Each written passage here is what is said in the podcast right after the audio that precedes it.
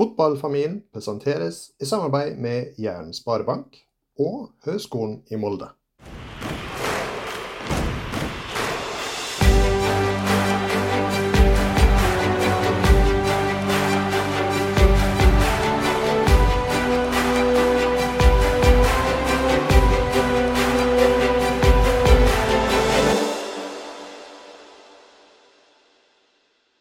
Ørjan Nyland, del 1.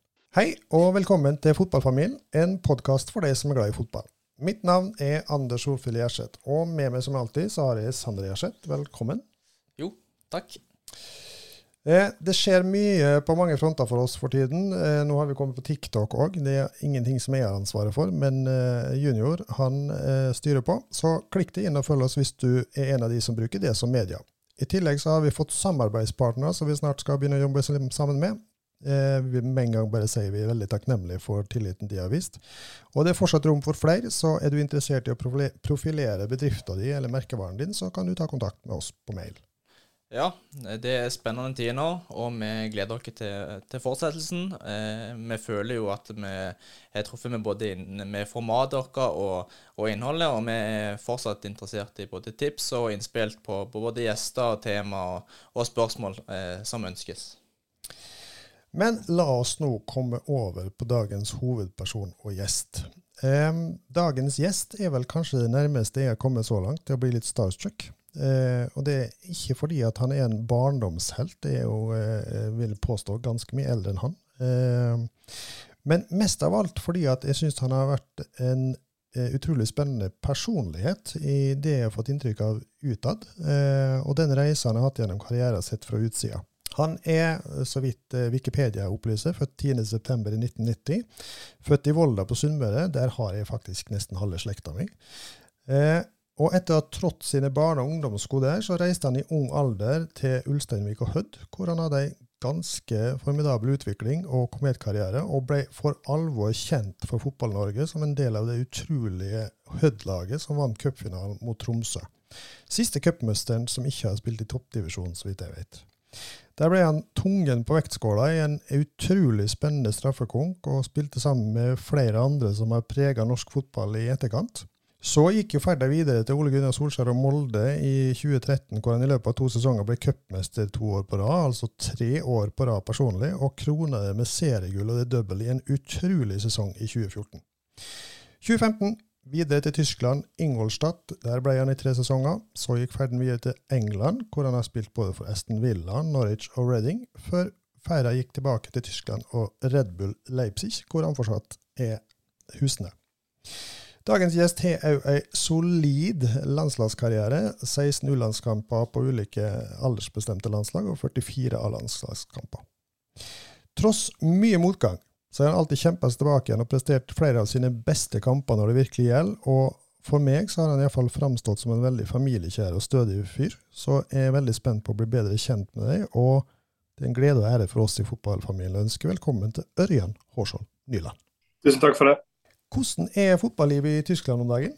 Jo, det er veldig fint eh, akkurat nå, vil jeg si. Vi eh, ligger vel per dags dato på tredjeplass eh, etter å ha ligget utenfor Champions League-plassene som vi kjempa så hardt om å, om å, klare å nå. Og så gikk vi videre til cupfinalen nå nylig også, så det, det smiler akkurat nå. Da, men det er fire viktige kamper igjen før vi kan ja, krone sesongen og forhåpentligvis nå de målene vi, vi har satt oss. da. Ja. Hva tenker du rundt uh, situasjonen din? Eh, jeg forstår Du har ikke hatt det sånn lett med spilletid for et lag som nå er i full flyt. og Blir du værende, eller har du andre alternativ, eller hvordan er det? Ja, nei, det, det er et godt spørsmål. Eh, jeg kunne jo selvfølgelig ønsket at det ble mer spilletid, og hadde vel egentlig forventa at det skulle blitt det òg, men nå er nå fotball sånn at eh, den er ikke alltid like rettferdig. og ja, Det handler egentlig for min del bare om å være klar til eh, de oppgavene jeg skal eh, få, og når jeg eventuelt får sjansen her. Men um, det er det viktigste da på, på landslagsnivå. som um, ja, det er to viktige kamper som kommer nå i juni, der en uh, ja, um, vet at uh, en skal stå. og Det blir veldig viktige kamper for vår eksistens i gruppespill òg. Vi, vi, er nødt til å vinne for å, for å ja, kunne ha sjanse til å kvalifisere oss. Uh, til EM som skal være i Tyskland. Så ja, det har mye å se fram til uansett, selv om en ja, ikke har hatt så mye spiltid som en skulle ønske. da.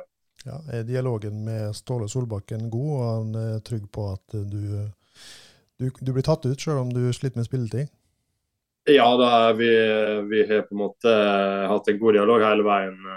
Det viktigste for meg foran denne sesongen her var jo selvfølgelig å finne seg en arbeidsgiver. Det gikk jo litt lang tid før en, før en fikk det. Men ja, og i tillegg så, så var det her en mulighet en, en måtte hoppe på når den kom. Det er ikke det er ikke hver gang en Champions League-klubb ringer og spør om, uh, om du vil komme og jobbe for dem. Så uh, det er absolutt uh, noe en setter pris på. og ja, Noen har hatt veldig mye nytte av òg i den tida jeg har vært her. Og så um, ja, jeg har såpass mye erfaring med, med hvordan jeg skal bli klar til de lagskampene jeg skal stå. og har stått såpass mange kamper der også, så jeg vet hva, som, hva jeg trenger personlig og hva jeg må, må, gjøre for å være klar til de kampene som, som kommer. Og, ja, så vet jo vi at eh, målet fram mot neste sesong eh, og videre er jo selvfølgelig å, å, stå flere kamper enn jeg har gjort i år, men eh, en gjør det beste ut av det. Selv om eh, utgangspunktet kanskje kunne vært bedre. Men eh, når en snur litt på det, så er jo uh, betingelsene for å prestere i kamp vært dårlig, mye dårligere enn, enn de er nå. Så ja, da får en bare um, gå inn med selvtillit og masse, eller mye pondus. Og ja, bare glede seg til de kampene som kommer, og, og vise hvorfor, hvorfor de skal, skal stå der. Altså Noe av det som eh, jeg har lyst til å snakke litt om, det er litt rundt det med, med andre keeper, det, og, og hvordan det er i den tilværelsen er. Så, men det kan vi komme litt inn på etter hvert. Men det jeg først ville si, det, det vel Det kan vel ses på som en liten fordel at man eh, går en stund uten eh, å finne seg klubb.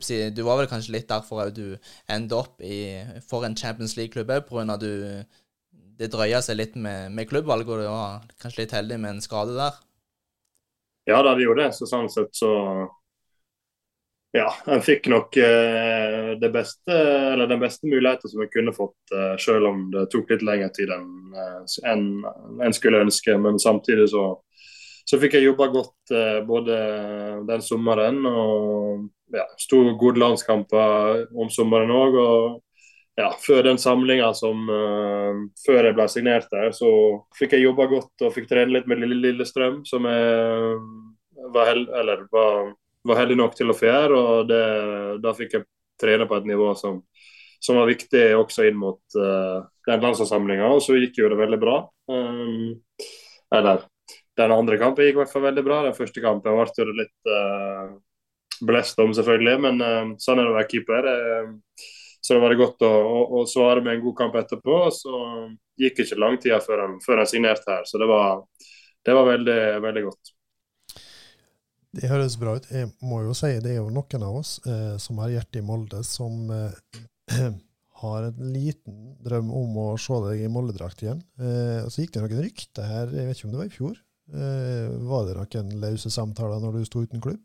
Ja, det var det nok. Så det, det vil jo si at uh, den tida jeg hadde i Molde, kanskje er det mest uh, Eller det er vel den mest suksessrike jeg har hatt òg. Uh, det ble jo tre titler på ja, to og et halvt år. Så um, ja, det, det, kunne, det, er sikkert noe jeg kunne sett for meg. Så vi var inne på tanken og vi, vi snakka med Molde, så, men nå ble det ikke til det. da, Men det er jo aldri for seint. Det er ikke det.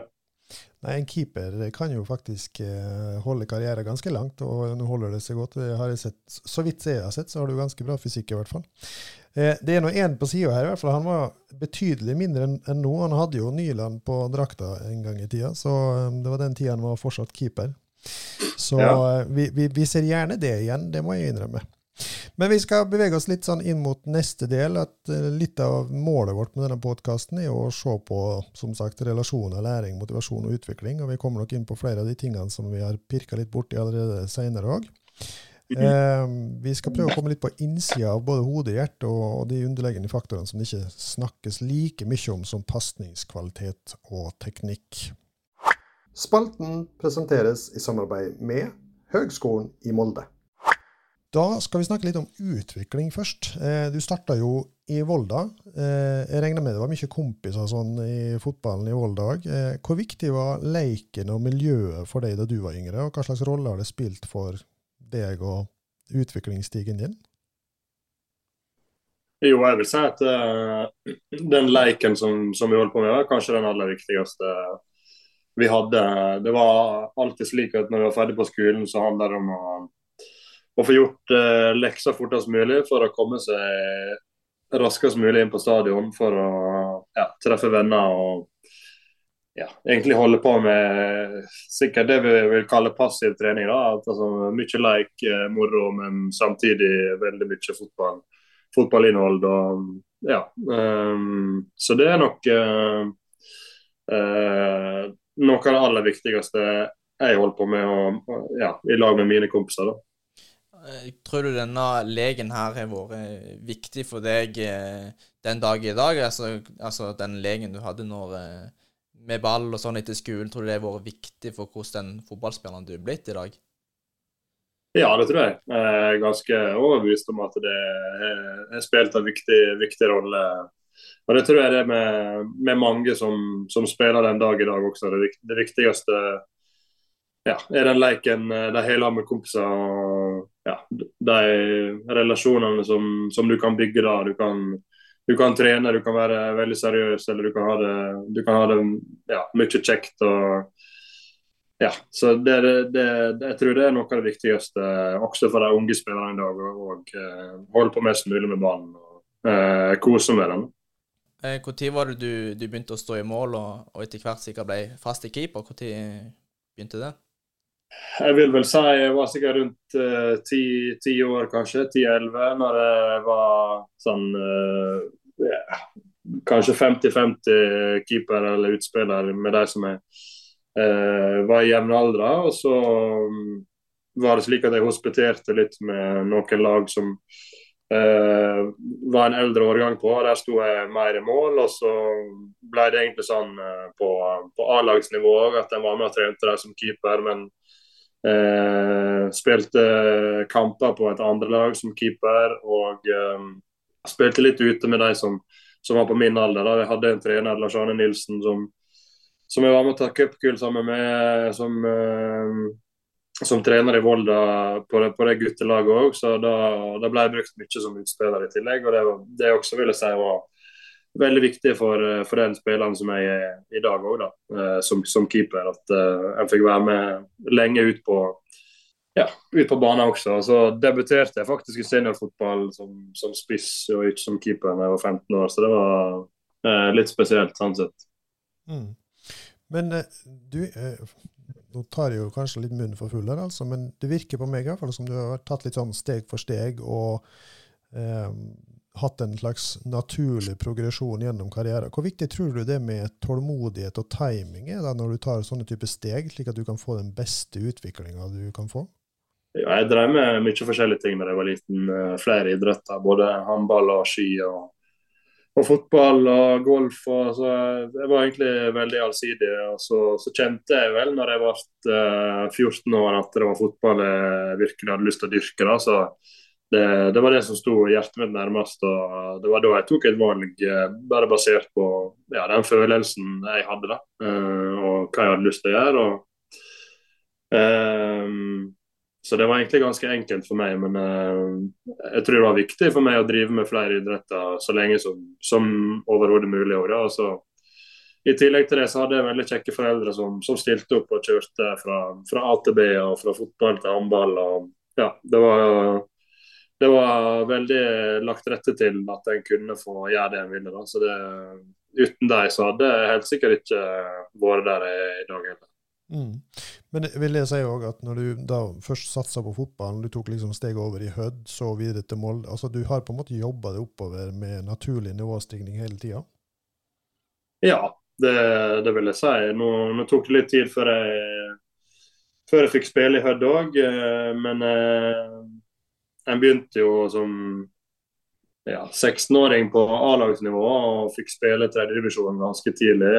Og uh, i tillegg til det så ja, fikk en jobba tatt stegene gradvis. da. Jeg fikk uh, utvikle meg i fred og ro, selv om uh, jeg hele tida hadde utfordring. Det var jo et lag som var i førstedivisjon, og så eller Obos nå, da. og Så, så rykka vi ned, og så var vi et par år der. og Så fikk jeg være med på opprykkssesongen som førstekeeper. og ja, etter det så var det vel to år i Obos der vi andre, eller førstedivisjon, og så der det andre året vi vant, vant cupfinalen. Og da, da, hadde en egentlig oppnådd ja, det en uh, kunne oppnå i Hødd, følte jeg. Og så var ja, det naturlige da å ta steget videre. Og så, så var det mange som løfta på uh, eh, øyebrynene når en valgte å gå til Molde altså, til det beste laget. Og hvorfor skulle en gå dit når en kanskje, kanskje kunne få spille andreplasser enklere. Men eh, jeg var ganske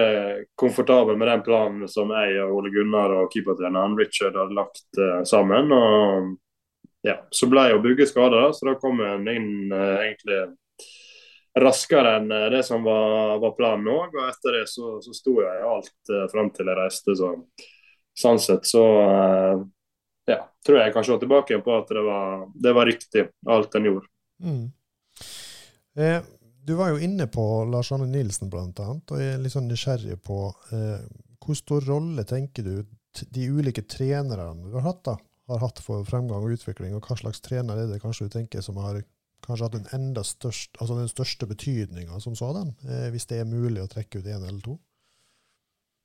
Ja, nå eh, Lars Arne var jo eh, selvfølgelig veldig viktig for, for min del. Han, eh, han, var som sagt uh, guttetrener på, på mitt uh, årskull i Volda. Og så kom han til Hødd og var på juniorlaget der i noen år, der han hadde samme spillestilen som, som, jeg hadde jobba med tidligere. Og der jeg fikk ja, egentlig ganske ganske bra suksess under han òg, selv om jeg trente på A-laget og spilte på, på juniorlaget. Så hadde jeg en veldig viktig eh, et cupår der med, med juniorlaget der vi nådde veldig langt òg. Og hadde og slo lag som var i hvert fall på papiret betydelig bedre enn oss. Og så, så tok han over eh, A-laget også, da, i og med at vi hadde jobba såpass mye i lag eh, tidligere. så så var jeg egentlig ganske trygg på at jeg kom til å forstå den etter hvert, og, og det fikk jo jeg også. Og, uh, så jeg fikk jo mye tillit med han i, i ung alder, som var viktig for en keeper. Og fikk stå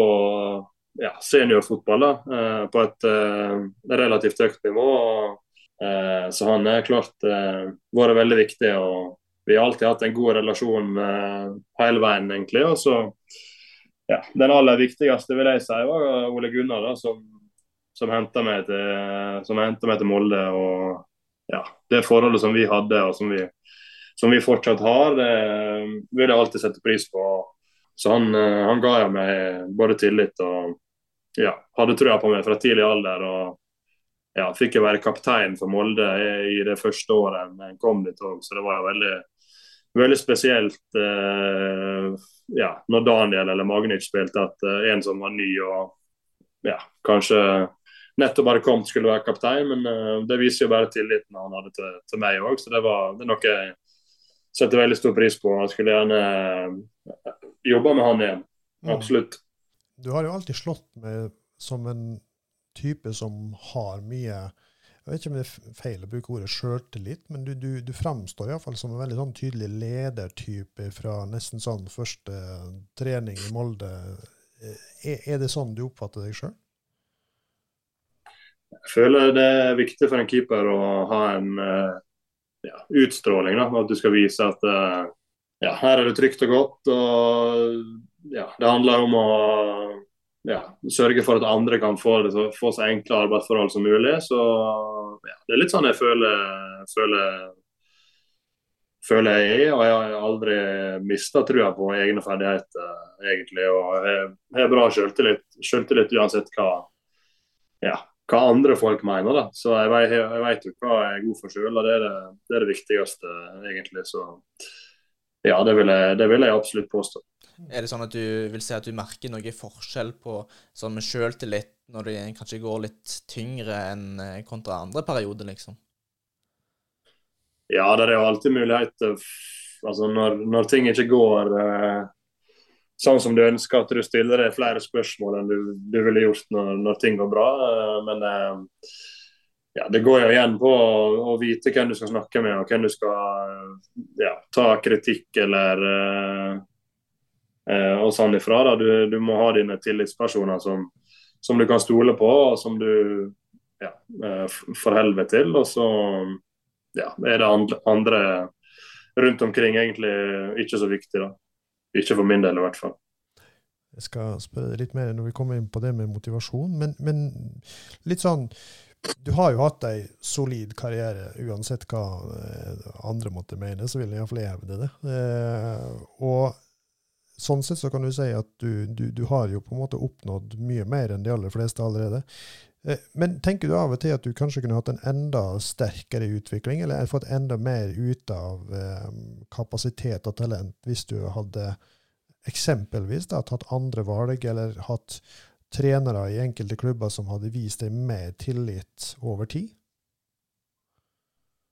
Ja, det blir å, spek å spekulere, selvfølgelig. Men uh, jeg vil heller si at jeg har hatt uh, motgang i form av skade på ugunstig tidspunkt, egentlig. Eh, at det kanskje var noe som har satt si, utviklinga på, på, hold, da. Egentlig nå, når jeg gikk til eh, Aston Villa f.eks. sommeren der 2018, så, så var det en helt annen liga og en helt annen klubb enn det jeg hadde vært i fra før. Med tanke på at i utgangspunktet, så i hvert fall historisk sett, så har Aston Villa vært en, en topp seks-klubb i Premier League, og som, som er stolt fortid og vært med å vinne europeiske titler. Og, ja, så det var også med tanke på all historikken som var der òg, at eh, de hadde brukt enormt mye penger og befant seg i en ja, økonomisk krise, egentlig, så var det veldig vanskelig de første si, to-tre månedene, i hvert fall i, i, den klubben, med veldig mye forventningspress, og at du skulle rykke opp igjen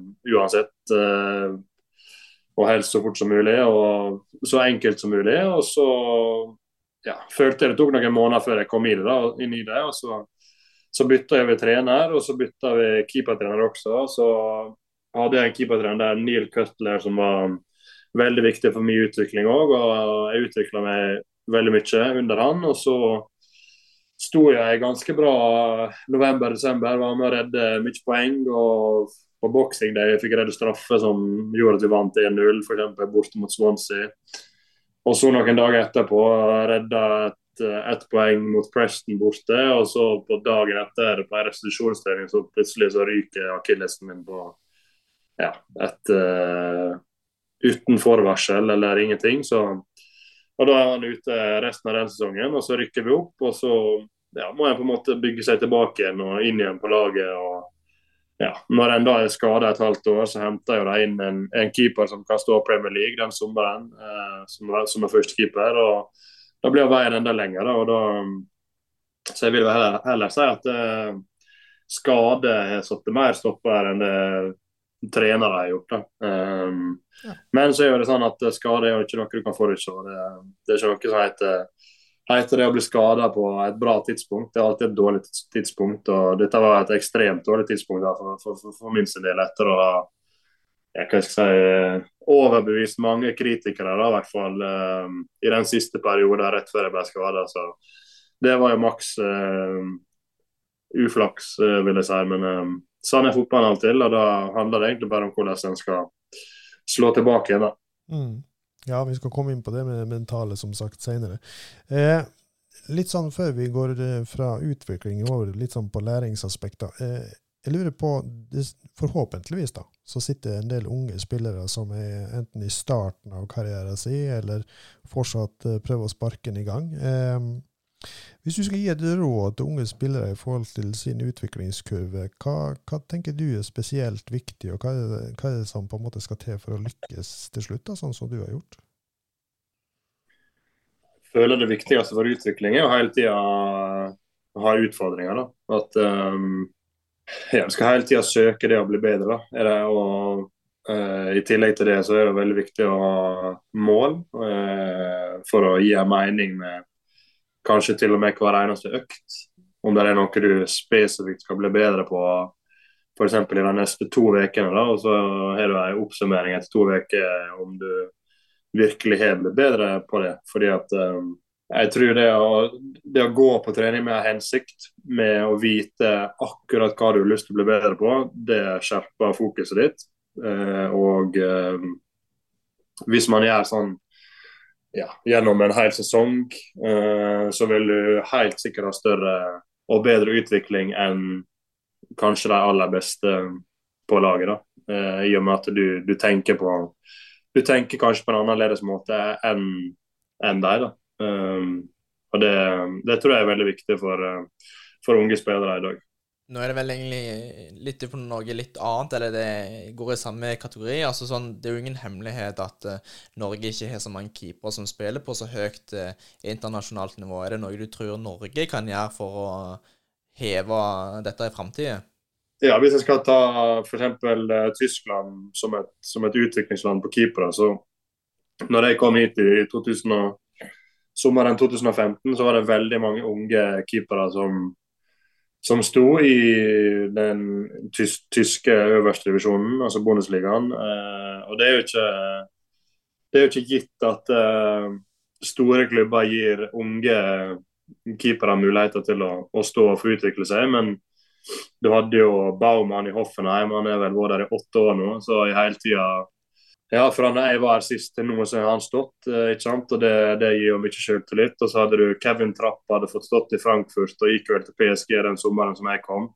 Uh, men hadde stått ja, x antall Bundesliga-kamper før det. Og Timo Horn, akkurat samme i Köln, ble satset på i ung alder og har flere hundre kamper i den øverste toppdivisjonen. Og Mark André, André Terstegen f.eks. sto vel kanskje 35-40 kamper i regionalligaen, altså tredje-fjerde nivå i Tyskland. ikke sant? Eh, men idet de hadde skade på førstekeeperen i Gladbach, så, så, visste jo treneren at uh, han her har stått uh, seniorfotball. Han har 35-40 kamper allerede, så her er vi kan stole på. Vi trenger ikke å, å hente inn en utenfra som som har den erfaringa. fordi at uh, han har allerede samla den opp. Uh, og det, det, tenker jeg er viktig i tida fremover i norsk fotball også. Gi, gi unge keepere sjansen til å utvikle seg og ha tillit.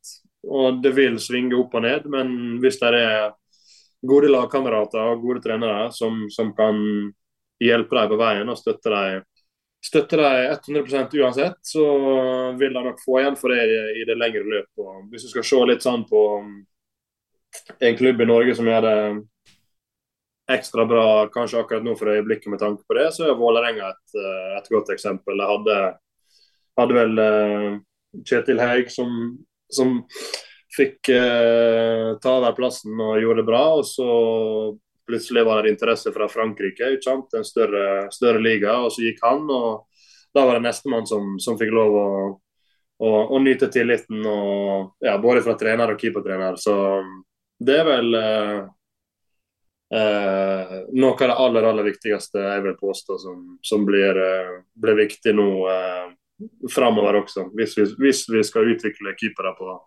et høyt nivå i, i Norge. For personlig sett så var det egentlig akkurat det samme jeg også fikk, eh, fikk gjøre. Jeg fikk uh, først utvikle meg i fred og ro i en, i en, bra klubb i Hødd. Og så eh, fikk jeg ta over plassen og stå der som førstekeeper. Og så ja, gikk det slag i slag etter det. Spalten presenteres i samarbeid med Jernsparbank. Da skal vi gå over på å snakke litt om læring. Eh, og jeg syns vi bare skal holde tråden litt. fordi det som slår meg når du sitter og snakker om keepere nå, er jo det at nå har jeg vært med å trene lag sjøl uten å være spesielt eh, veldig skolert, eh, som mange andre foreldretrenere gjør. Det som jeg legger merke til helt fra tidligere, er jo det at det som mange sliter med, er at keeperne får jo ikke egne trenere med kompetanse på keepertrening. Eh, hvilket gjør jo på en måte at en starter liksom med minus to i forhold til veldig mange andre. Eh, tror du på en måte det med å eh, løfte frem mer spesifikk keepertrening tidlig kan ha noe å si? Ja, det tror jeg er viktig. Nå, nå hadde jeg veldig Jeg nytta veldig godt av det. Jeg hadde Ronny Osnes i Hødd, eh, der jeg trente med han fra jeg var kanskje 14 år. Der jeg ja, fikk input eh, en gang i veka der uh, mamma f.eks. kjørte meg til Ferjekaia på på Rionis, og så sto han på andre sida på, på Eiksund og, og henta meg. Og så fikk jeg være med på, på, på keepertrening og på A-lagstrening i, i, i, tidlig alder. Og det var ja, alfa og omega for min del òg, så det, det, vil jeg absolutt påstå er, er viktig. Men eh, det er jo ikke en fasit på at du kanskje blir best. Altså, det er jo eksempel på andre keepere som som begynner seint. Uh, altså vi snakker 14-15-16 år, men likevel står på toppnivå uh, når, de blir, når de blir eldre. Så det, det, er ingen fasit, men det er veldig, veldig viktig for unge keepere ja, å få litt uh, teknikk og litt skolering. Da. Det, det tror jeg. Mm. Men er, og Du sa jo òg noe med det på en måte å, å, sette deg klare mål for hva du vil bli bedre på, bl.a sånn læring i fotballen generelt sett, da, hvordan kan du skape best mulig forutsetninger for læring og utvikling, tenker du?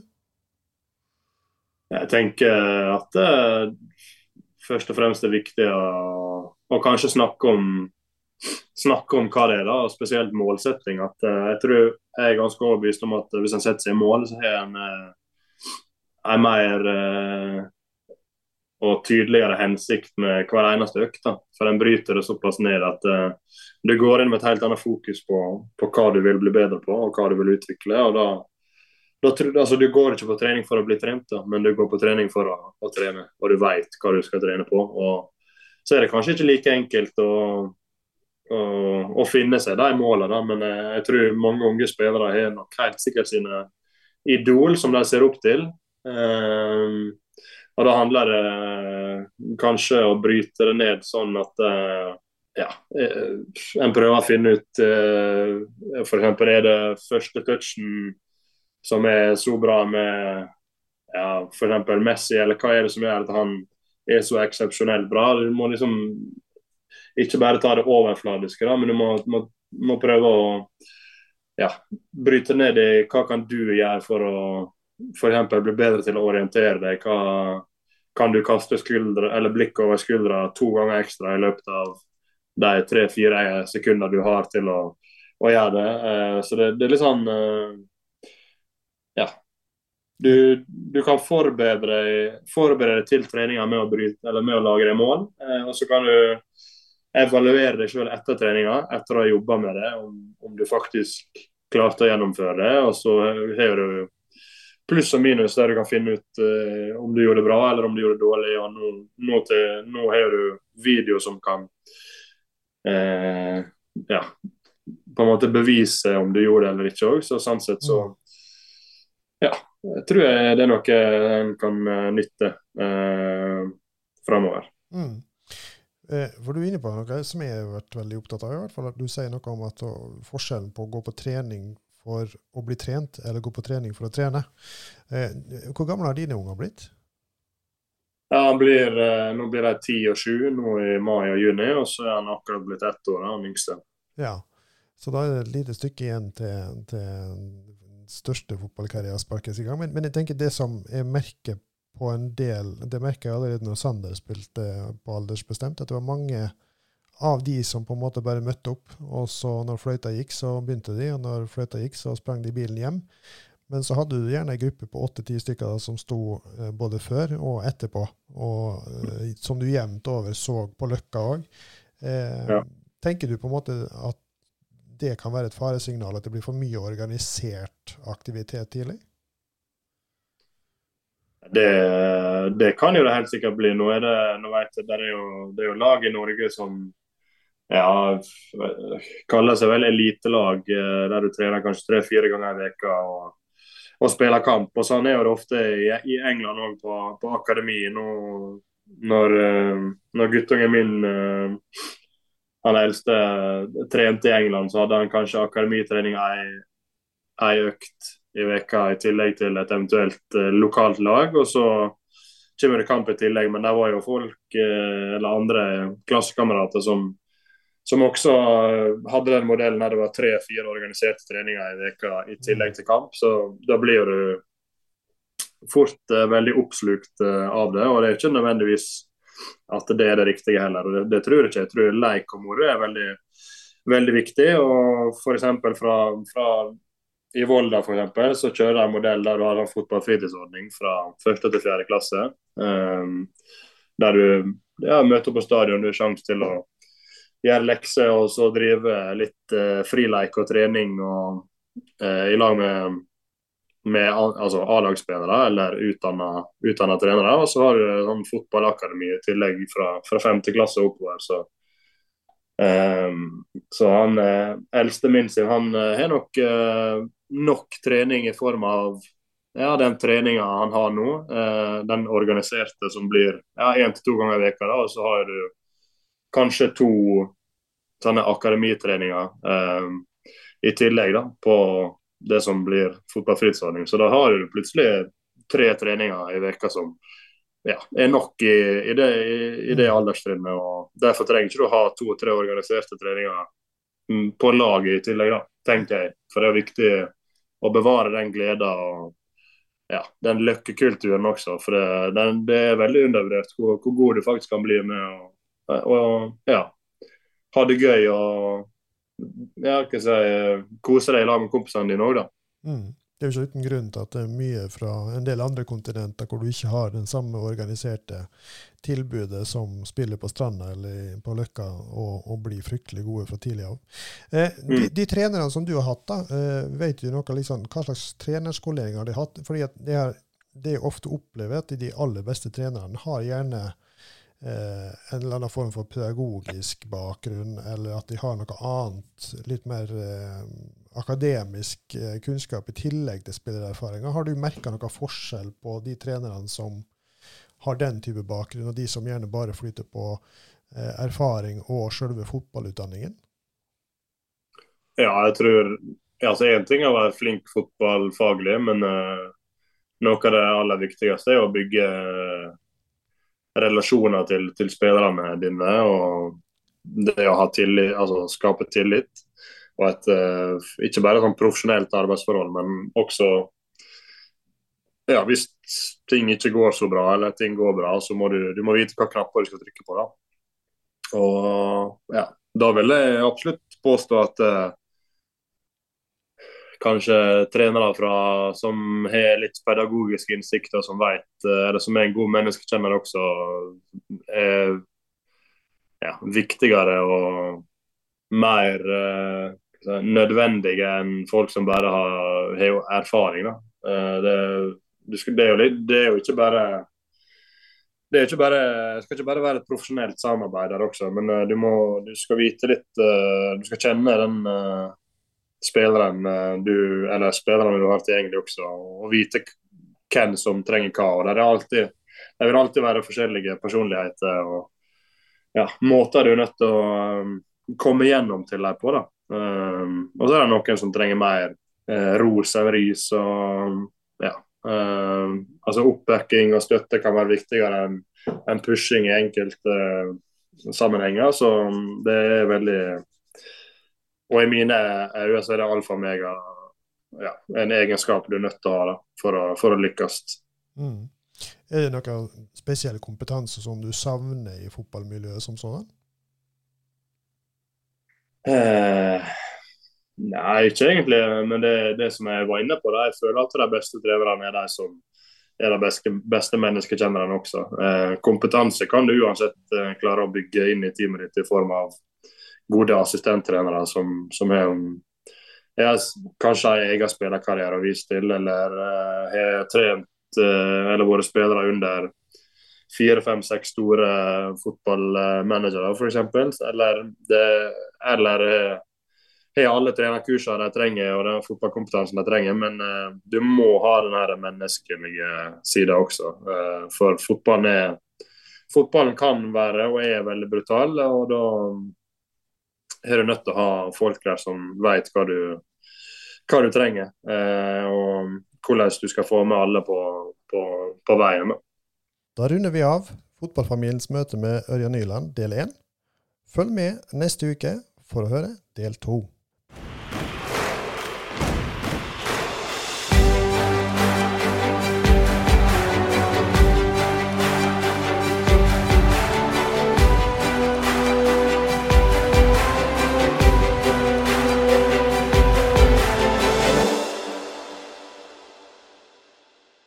Fotballfamilien ble presentert i samarbeid med Jæren Sparebank og Høgskolen i Molde.